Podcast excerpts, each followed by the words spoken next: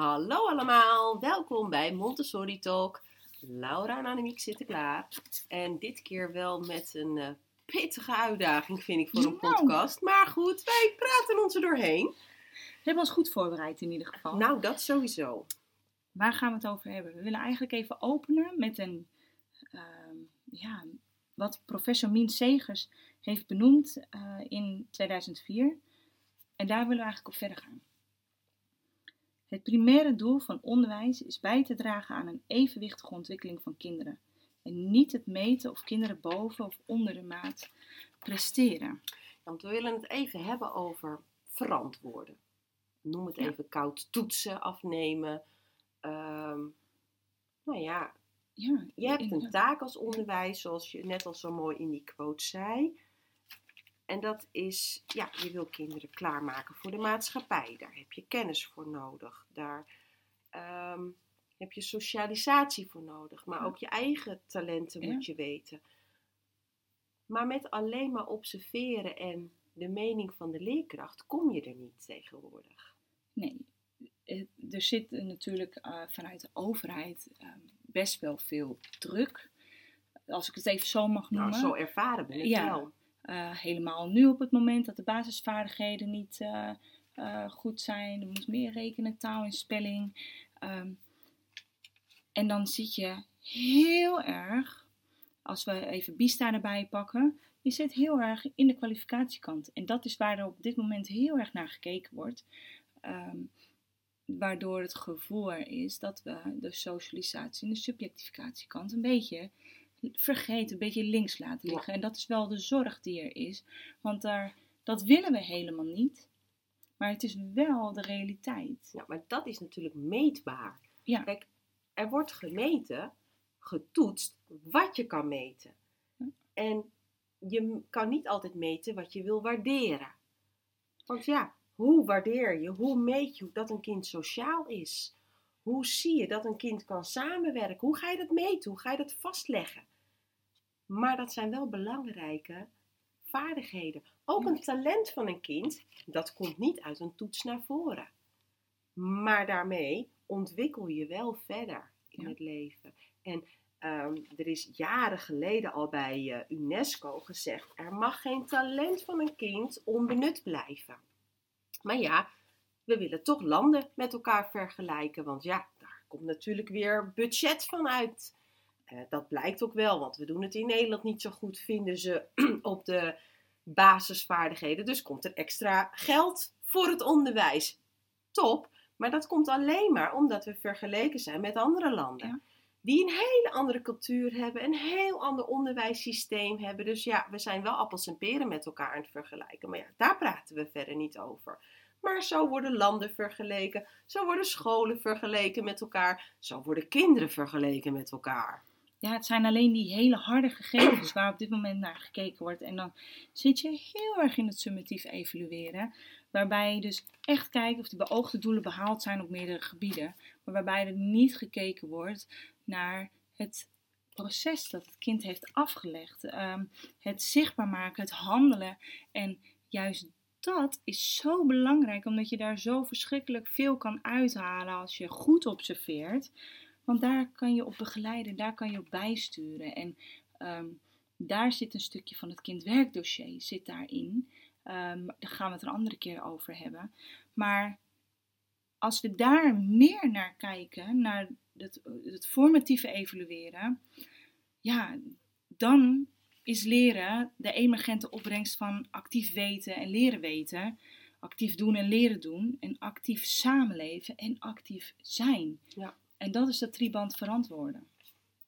En het mooie is dat uit een eh, onderzoek van Delors uit 1996, oké, een beetje gedateerd, maar wel voor de UNESCO-commissie, kwam al naar voren dat voor de 21ste eeuw de doelen moesten zijn learning to know, learning to do, learning to live together en learning to be. Dat is dus wereldwijd voor iedereen zo op papier gezet. En wordt daar wat mee gedaan? Ik vraag het me soms af. Als ik even kijk naar hoe de maatschappij eruit ziet en hoe. Natuurlijk belicht het nieuws vaak wel de negatieve kant daarvan hoor. Ehm, Maar zou je zo graag willen dat er eh, meer in liefde met elkaar omgegaan wordt? Ehm, en dat, op dit moment denk ik dat, eh, dat, dat, dat dat een ondergeschoven iets is op school. Nou ja, als je alleen maar meet wat je kan meten en niet meet wat je wil waarderen. Als je alleen maar op het meten zit, ja, dan versmalt je curriculum ook wat je aanbiedt. Ja. Want dan blijf je zitten op feiten. Dus je blijft zitten op het rekenen, Ja. maar dan wel de sommen. En op taal, maar alleen de spelling. En dan ga je ook misschien toetsgericht trainen. Want ja, je wilt toch goede Ja. toetsen hebben. Ehm, maar ja, dat zwakke kind, wat het even niet lukt, of niet zo hoog gaat scoren naar jouw mening, nou weet je, dan doe jij niet mee. Want ja, we willen wel goede scores. Ehm, dus kinderen worden dan ineens buitengesloten. Ehm, en eigenlijk, en sommige scholen doen dat wel, andere niet. Dus de concurrentie tussen scholen wordt alleen maar groter. En dan denk ik wel, waar zijn we mee bezig hier in dit land? Daar kan het toch niet over gaan? Het moet toch gaan over dat je je hele lang, leven lang blijft leren als mens. Ja, Want want je bent nooit uitgeleerd. Maar dat je ook komt tot zelfverwerkeling, verwerkelijking. En dat je kan meedoen aan de maatschappij. Daar moeten we ze toch op voorbereiden, lijkt mij. Ja, nou ja, onderwijs kan je zien als een zintuig dat, dat de binnen- en de buitenwereld gewoon met elkaar verbindt. En eh, we hebben het dan, tenminste, de minister heeft het heel erg over rekenen, taal, spelling. Daar zijn we, die basis moet sterker, sterker. En dan, welke zekerheid geeft het als jij helemaal volgepropt bent met al die kennisvaardigheden?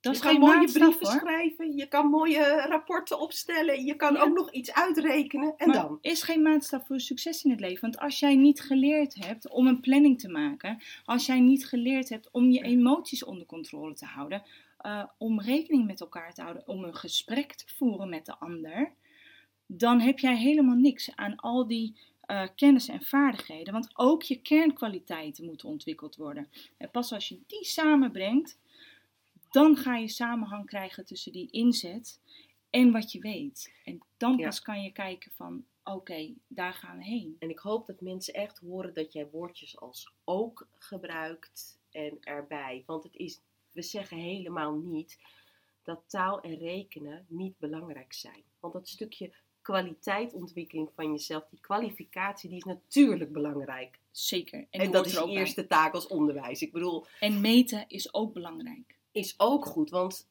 alleen Ja. hecht er ook waarde aan. Maak het waardevol en kijk ook naar het proces en naar hoe het tot stand is gekomen. Ja, Maar goed, kwalificatie is één onderdeel. Socialisatie is ook belangrijk, hè, met elkaar, Ja. samen. Maar ook op je eigen wijze in de wereld tevoorschijn durven komen. Ja, als jij niet voor jezelf op Nee. durft te komen, als jij niet je durft te uiten, waar ga jij naartoe? ja. Maar het ook leren, jezelf ontdekken in die kwaliteiten. En eh, dat het ook oké is dat als jij bepaalde kernkwaliteiten eigen hebt gemaakt.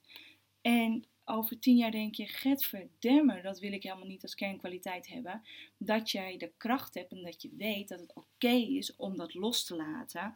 En dat je je door kan gaan met hoe je wel zou willen zijn. Maar dat vraagt veel vaardigheden. Ja, en die, die kan, dat kan je niet leren met een eh kanjertraining of een sociaal-emotioneel lesje één keer in de week.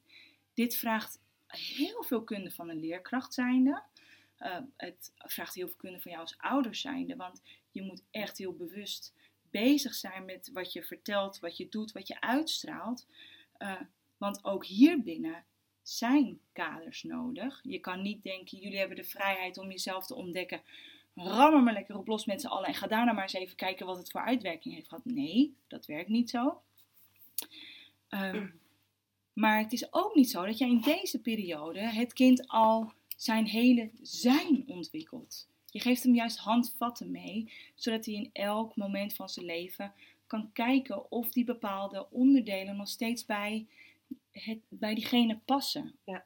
En dat het durft los te laten. En, en je begint daar echt al bij het jongste kind mee. Ja. Want het allerjongste kind, ja, die reageert in alle emotie. Die gooit alles eruit. Die gooit zich letterlijk op de grond en gaat trappelen, huilen. Die heeft nog niet de kennis Nee. hoe die daar om, mee om moet gaan. En daar zit de opvoeder in. En wie die opvoeder is, dat maakt nog niet uit. Maar de opvoeder leert het kind, Ja. hoe ga je hiermee om? Hoe reageer je hierop? En dat doe je door eh, gesprekjes te voeren met elkaar, zodat de emotie weer kan zakken, door voort te leven. Zo leven wij samen, zo doen wij dat hier. En als het kind dan de IQ heeft, de kennis heeft en het heeft een redelijk goed temperament, ja, dan heb je ook de inhoud en de vaardigheden, want die heb je dan Ja. ook aangeleerd. Ja, maar dan kom je daar. En dan kom je er met elkaar. En dat kan je nog niet van die tweejarige verwachten. Die gooit zich nog op de grond en gaat krijsen. Nou, laat hem even in die emotie, maar bied wel aan hoe je daarmee omgaat. Dus stel wel die kaders. Ja, Leef zeker. wel voort zoals je dat wil. En dat pak je even later ook op op school, in de onderbouw, maar ook nog in de midden- en de bovenbouw. En zelfs, mag ik hopen, in het voortgezet onderwijs en verder. Want dit is onze levenstaak.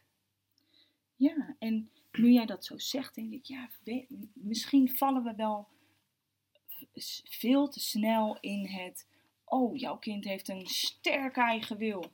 Wat vervelend is dat. En ik denk alleen maar elke keer, nu voor jou als ouder zijnde kan het pittig zijn, of als leerkracht zijnde kan het pittig zijn, maar oh, wat is dat prachtig, dat, dat je dat al hebt. Want het, Voor de lange termijn. Ja. Kijk niet naar het alleen Nee. hier en nu. Maar probeer dat op een positieve manier te stimuleren, dat het kind er zo ook echt iets aan heeft. En probeer het niet ehm, af te breken eh, of zo negatief te maken dat het kind niet meer zeker is van die kernkwaliteit. Want het is zoiets prachtigs als ze zo meteen ouder zijn en dat ze daar, als het op een positieve manier beïnvloed eh, Ja. wordt, kunnen ze daar zoveel moois mee bereiken. Ehm, en ik denk dat dat ook wel iets is eh, ja, waar, we, waar we wat meer ruimte voor mogen geven.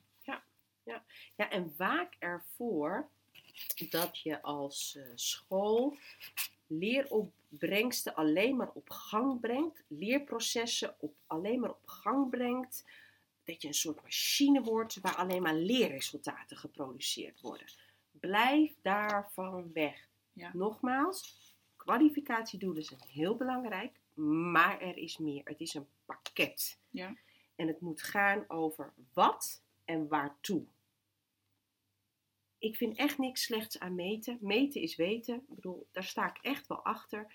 Maar meet wel ook wat je kan waarderen. En meet niet alleen maar dat wat je kan meten. Ja. Kijk verder. En ehm, plezier op school is wel echt onwijs belangrijk om ook ehm, juist die kernkwaliteiten te laten ontplooien. En wat ik zo mooi vind aan het Montessori-onderwijs, is dat wij dit van nature al in onze visie hebben zitten. Maar dat het soms eventjes wel vraagt om ehm, de bewustwording dat we dat ook echt aan het doen zijn. En dat je ook ehm, eh, weet waarom, het waartoe, het hoe, eh, waarom je iets doet. Ja. En dat heeft, kan je klein maken, maar dat kan je ook groot maken. Ehm, en dat hoef je niet alleen te doen, dat kan je met je bouw doen, dat kan je met je team doen. eh, maar dat is, dat is wel echt, vind ik, iets heel unieks. En wat juist in deze tijd eh, nodig is. Maar kijk ook wat nodig is en wat past bij de visie van jouw school. Ja. Want waar zit de spanning? Als je het hebt over verantwoorden. De spanning zit als je iets gaat toetsen, gaat meten, wat niet bij jouw visie past. Dan heb je een spanningsveld. Ja.